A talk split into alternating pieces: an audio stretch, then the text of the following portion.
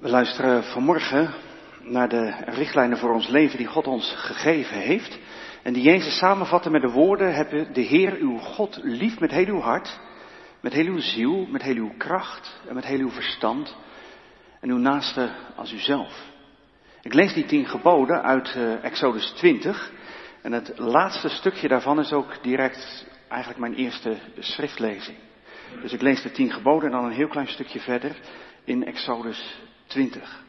Maar we lezen toen sprak God deze woorden.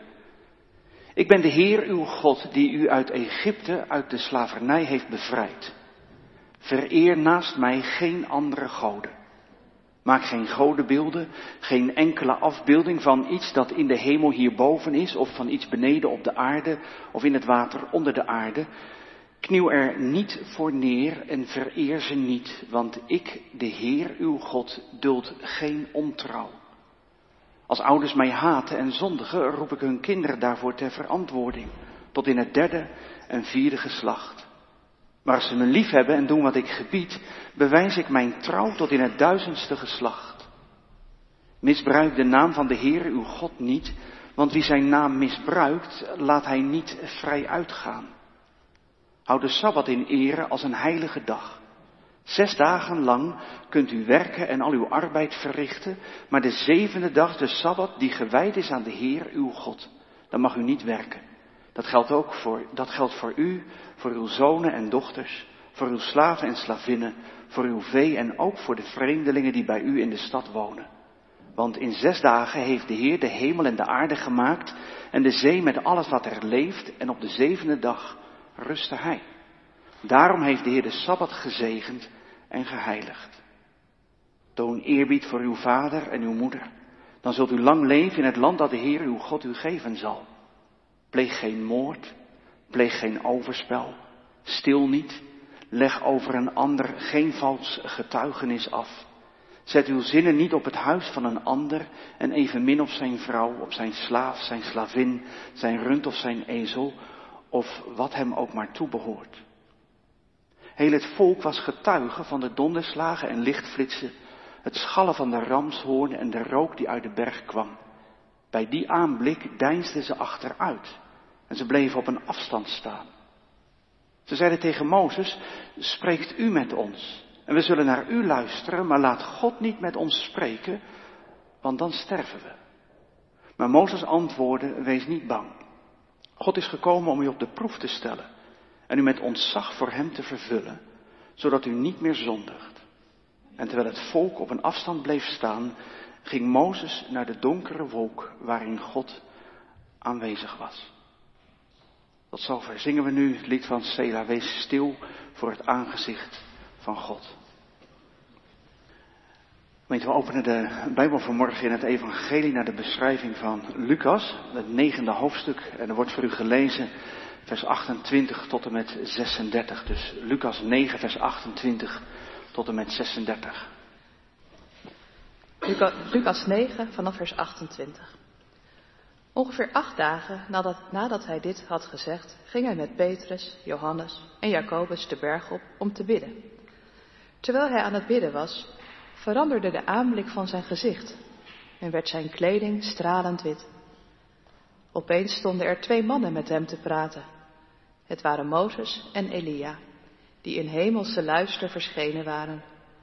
Ze spraken over zijn heengaan, de weg die hij in Jeruzalem zou voltooien. Petrus en de beide anderen waren in een diepe slaap gevallen. En toen ze ontwaakten, zagen ze de luister die Jezus omgaf en de twee mannen die bij hem stonden. Toen de mannen zich van hem wilden verwijderen, zei Petrus tegen Jezus: Meester, het is goed dat wij hier zijn. Laten we drie tenten maken: één voor u, één voor Mozes en één voor Elia. Maar hij wist niet wat hij zei. Terwijl hij nog aan het spreken was, kwam er een wolk aandrijven die hen overdekte. En toen de wolk hen omhulde, werden ze bang. Er klonk een stem uit de wolk en die zei: Dit is mijn zoon, mijn uitverkorene, luister naar hem. En toen de stem verstomd was, was Jezus weer alleen. Ze zwegen over het voorval en vertelden in die tijd aan niemand wat ze hadden gezien. Dit is het woord van God. Gemeente van Christus, het is misschien best een bijzonder moment om hier samen in Gods huis te zijn. In een wereld in onrust, waar er zo ontzettend veel gebeurt, zoveel geleden wordt. En wij zitten hier in vrede bij elkaar, een zegen van onze God. En ik moest eraan denken toen ik dit gedeelte las, dat de Heer God ons eigenlijk een moment boven dat aardse gebeuren uittilt. Dat hij ons een moment in stilte geeft. Precies zoals we gelezen hebben dat Jezus de berg opgaat om te bidden, om een moment uit het aardse gewoel weg te zijn. En er gebeurt heel wat onderaan de berg. Maar er gebeurt ook heel wat bovenop die berg. Het is eigenlijk best een vreemde geschiedenis.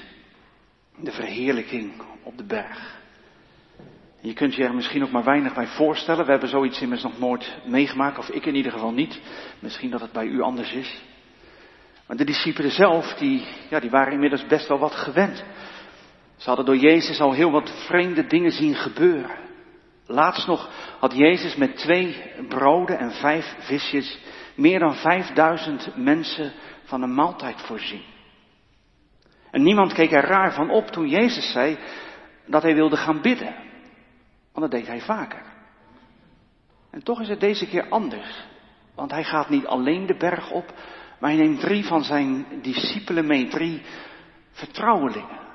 De andere negen laat Jezus aan de voet van de berg achter.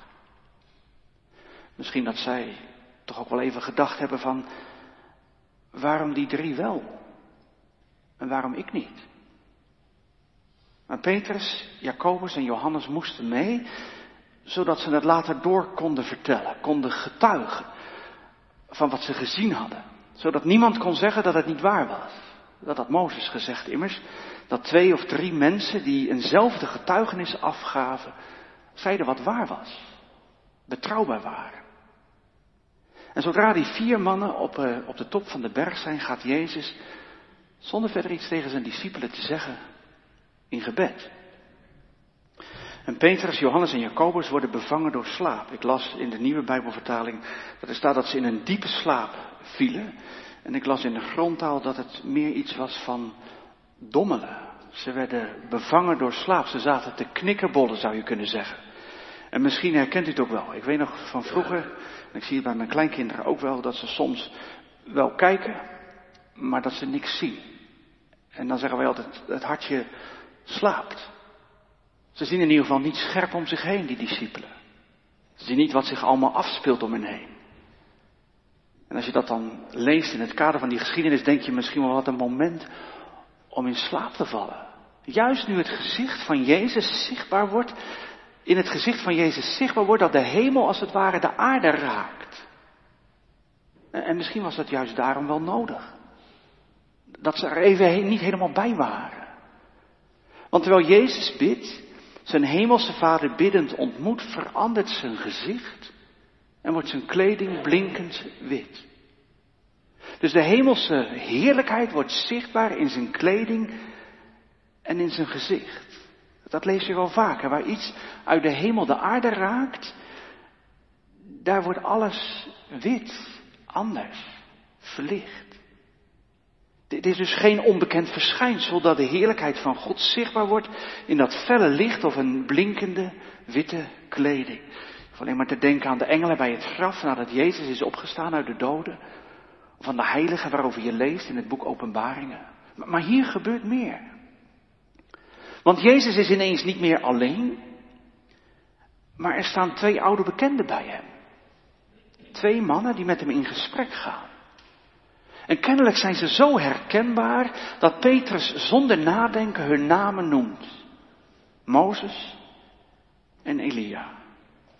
Twee beeldbepalende, leidinggevende figuren uit de Joodse geschiedenis. Middelaars zou je kunnen zeggen.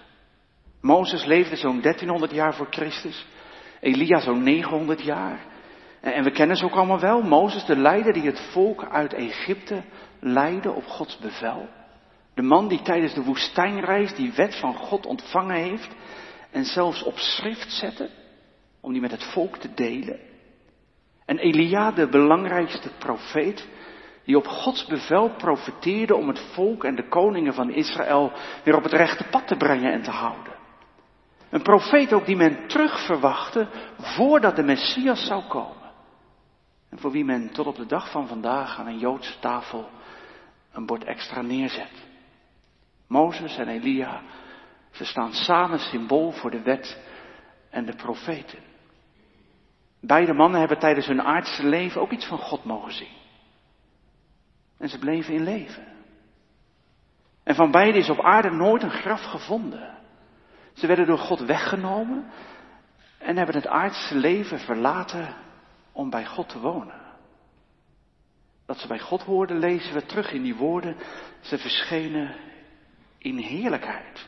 Dus de hemelse heerlijkheid straalde van hen af toen ze met Jezus in gesprek waren. Ze spraken over zijn heengaan. Over het heengaan dat hij zou volbrengen in Jeruzalem. Wel bijzonder dat juist deze twee mannen daar staan als boden van God om met Jezus te spreken over het levenseinde dat hem in Jeruzalem wachtte. Met hem te spreken over zijn lijden en sterven. Letterlijk staat er, ze spraken over zijn exodus. Over de uittocht die hij in Jeruzalem zou volbrengen. Exodus. Uittocht. De woord staat hier natuurlijk niet voor niets. Jezus moest op weg naar Jeruzalem, van de berg waarop hij met Mozes en Elia stond, naar die andere berg. Naar die kruisheuvel, Golgotha. Daar staat zijn kruis klaar. Daar moet hij heen. Dat is zijn missie. Hij moet daar sterven om zijn leerlingen, zijn volk, ons te laten delen in de heerlijkheid van God. Zoals God door Mozes hand Israël bevrijd heeft uit het slavenbestaan in Egypte en in het beloofde land gebracht heeft, zo zal Jezus ons bevrijden uit de slavernij van de zonde en de dood en hij zal ons brengen naar die nieuwe schepping, waar vrede is tussen God en mensen. En Mozes en Elia, zij hebben de taak gekregen om Jezus op die missie voor te bereiden. Die drie dommelende discipelen, die misten heel wat. Totdat ze het ineens zagen. Ineens is hun blik weer helder. Ze zijn er weer helemaal bij. Jezus is niet alleen. En ze zien Jezus met die twee andere mannen in die blinkende gewaden, oogverblindend wit gekleed en een blinkend gelaat. Klaar wakker zijn ze ineens. En, en, als Petrus het ziet dat die beide mannen bij Jezus op het punt staan om weg te gaan, dan schakelt hij razendsnel. Meester, het is goed dat we hier zijn. Laten we drie tenten maken. Voor u één en voor Mozes en voor Elia één. Volgens Lucas sprak Petrus voor zijn beurt. Want hij wist niet wat hij zei. Of het nu onwetendheid was, of dat het met zijn enthousiasme te maken heeft. Maar Petrus wil aan de slag. Hij, hij heeft die beide mannen herkend. Dan denk je misschien op het eerste gezicht dat Petrus bedoelt als hij zegt laten we drie tenten maken. Dat hij zoiets heeft van nou laat het maar zo blijven. Jezus en Elia en Mozes en wij, de wet, het evangelie en de Messias. Beter kan het toch niet worden? En waarom zou je dan nog naar Jeruzalem gaan? Die moeilijke weg die getekend wordt door lijden. Waarom zou je onschuldig sterven wanneer je het hier zo goed hebt?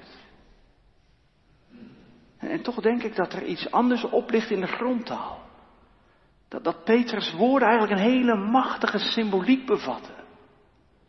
Laten we drie tenten maken, zegt hij. Letterlijk staat er, laten we drie tabernakels maken. Drie heiligdommen. Eén voor u, één voor Mozes en één voor Elia. Petrus verwijst naar die tabernakel, naar de mobiele tempel tijdens de woestijnreis. En als je dan het boek Exodus leest, de geschiedenis die aan de bouw van de tabernakel voorafgaat, dan staat hij ook bol van Gods aanwezigheid. God, is aanwezig in de wolkolom. Als hij bij de wetgeving neerdouwt op die berg Horeb, dan rookt de berg, is omgeven door donder en bliksem. En we hebben het gelezen, het volk van Israël verbergt zich voor God. Ze, ze, konden die tekenen en Gods stem niet verdragen. Ze waren bang om te sterven. En Mozes ging de berg op. Die donkere wolk in. Hij naderde tot God. Hij was in Gods aanwezigheid. Zodat Gods heerlijkheid van zijn gezicht afstraalde toen hij terugkwam. En het gevolg was wel dat Mozes de rest van zijn leven met een afgedekt gezicht heeft gelopen. Want de heerlijkheid van God die van zijn gezicht afstraalde, kon het volk van Israël niet verdragen. De Israëlieten zelf durfden niet tot God te naderen. Ze waren bang voor zijn heiligheid. En daarom gaf de Heere God hen een oplossing. Hij gaf de opdracht om een tabernakel te maken, een tent waarin hij kon wonen, een tent die zijn heerlijkheid afdekte. En door allerlei rituelen en offers een plaats te geven in de eredienst, konden de Israëlieten toch zonder angst tot God naderen. Tabernakel met zijn rituelen en de offers bedekte dus Gods heerlijkheid. En zo werd die, die tabernakel, dat huis van God, een plaats van bemiddeling tussen God en mensen. Door middel van priesters en offers kon men nu toch tot God naderen. En kon God in hun midden wonen. Tabernakel. Ze beschermde Israël tegen Gods aanwezigheid. En dat zet eigenlijk die uitspraak van Petrus ook in een, in een heel ander licht. Het gaat Petrus niet om het houden zoals het is Jezus, Mozes en Elia. Nee, Petrus wil bescherming vanwege de heiligheid van God. Hij zegt eigenlijk, we, hebben een tabernakel nodig. Rituele offers om ons te beschermen tegen de heerlijkheid van God, anders sterven wij. Tabernakels om de heerlijkheid van God af te dekken die van Mozes, Elia en Jezus afstraalt. Maar ook nu grijpt God zelf in. En hij maakt Petrus duidelijk dat hij het nog niet begrepen heeft. Over de bergtop met die zes mannen valt plotseling de schaduw van een wolk. Het symbool van de Shechina, de aanwezigheid van God. En wie zou dan niet denken aan de Horeb? Waar die wolk van Gods heerlijkheid omgeven werd door donder en bliksem. Zullen de discipelen bang geweest zijn? Ze waren in Gods directe omgeving, onbeschermd. En dus dicht bij de dood. Maar die donder en die bliksem bleef uit. Er was alleen die wolk. En een stem. Gods stem. Dit is mijn zoon mijn uitverkorene. Luister naar hem. En buiten die stem om gebeurde er niets. Petrus, Johannes en Jacobus, ze blijven leven. Ze sterven niet. En als die wolk weg is en die stem verstomd is, is alleen Jezus nog bij hen op die bergtop. Gods geliefde zoon, zijn uitverkorene. Wat blijft Jezus? Gods uitverkorene. Naar Hem moeten we luisteren. Want van die drie mannen die Gods heerlijkheid zichtbaar droegen, is nu alleen Jezus over. De wet, de profeten, Mozes en Elia, ze zijn weg. De wet, de offerdienst, het spreken van God door de profeten, die vormen immers niet langer de weg naar God. Jezus Christus, de Zoon van God, is de vervulling van die profetieën van het Oude Testament. En hij zegt het zelf, ik ben gekomen om die wet te vervullen. Vandaar dat de discipelen, wanneer die wolk weer is opgetrokken en iedereen op de top weer zichtbaar is, alleen Jezus zien. Alleen Jezus bleef over. En God zelf gaf uitleg. Hij komt eigenlijk nog dichterbij dan Jezus, Mozes en Elia. Door die wolk overschaduwde hij die zes mannen, terwijl hij hem omringd hoorde die discipelen hem spreken. Over zijn zoon, zijn uitverkorene. En die woorden die zijn vooral gericht op die drie discipelen, op die vertrouwelingen van Jezus. Luister naar hem. Dat betekent meer dan alleen je oren openzetten en luisteren naar wat hij zegt. Betekent ook met hem meegaan. Achter hem aangaan. Hem volgen naar Jeruzalem. Luisteren betekent ook bereid zijn hem te volgen in zijn sterven. Want wie zijn leven wil behouden, die zal het verliezen. Maar wie zijn leven verliezen zal omwille van mij, die zal het behouden. Jezus volgen betekent je leven verliezen omwille van Jezus. Het begint dan ook met het erkennen dat we hem nodig hebben. Erkennen dat wij er de oorzaak van zijn dat hij de hemel moest verlaten. Erkennen van de schuld die wij mensen bij God hebben opgebouwd. En een schuld die het lijden en sterven van Jezus noodzakelijk maakte. En misschien hebt u ook wel die neiging om het wat klein te houden als je zo naar je leven kijkt. Vraag je jezelf misschien ook wel eens af. Is het nou echt zo erg bij mij?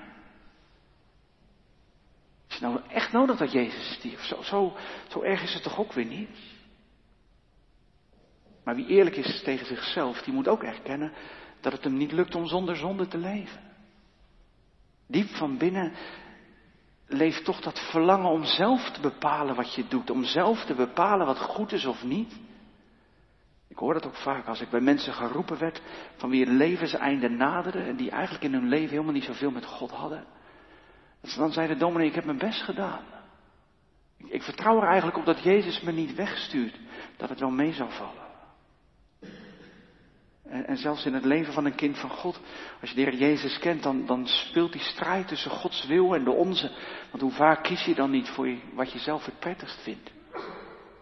We bouwen ons leven op onze eigen prestaties, op onze eigen kracht, op ons kunnen. En juist daarom moest Jezus op weg naar Jeruzalem, op weg naar zijn kruis. Om ons ongeloof, om onze onwil, om onze arrogantie. Omdat we altijd proberen om een paar touwtjes in eigen handen te houden. En ons leven niet volledig aan hem overgeven. En toch is daar ook niet alles mee gezegd, want we zijn niet de enige oorzaak van het lijden van Christus. Het is ook vanwege het lijden van de wereld. Vanwege de kwade krachten en machten die deze wereld beheersen. En het leven voor zoveel mensen tot een hel maken. Denk alleen maar aan die oorlog tussen die twee broedervolken, Rusland en Oekraïne. Waar gewapende jonge mannen tegenover elkaar worden gezet. Elkaar het leven moeten benemen.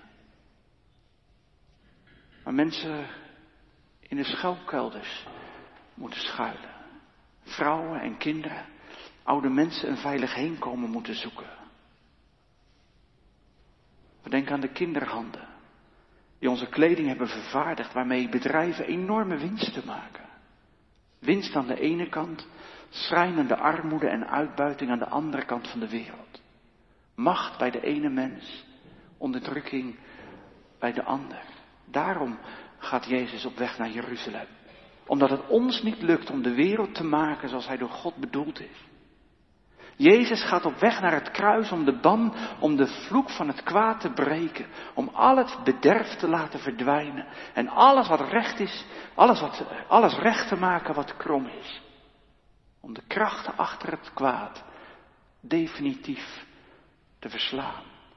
Jezus moet lijden, omdat hij in dat lijden dicht bij het lijden van de wereld en de mensheid komt. Omdat hij in dat lijden in onze leidende wereld, in ons lijden komt. En ieder mens heeft wel iets waar hij aan lijdt. Of hij krijgt er in zijn leven mee te maken. Depressie, burn-out, rouw, gemis, eenzaamheid, verdriet, lichamelijke of geestelijke achteruitgang.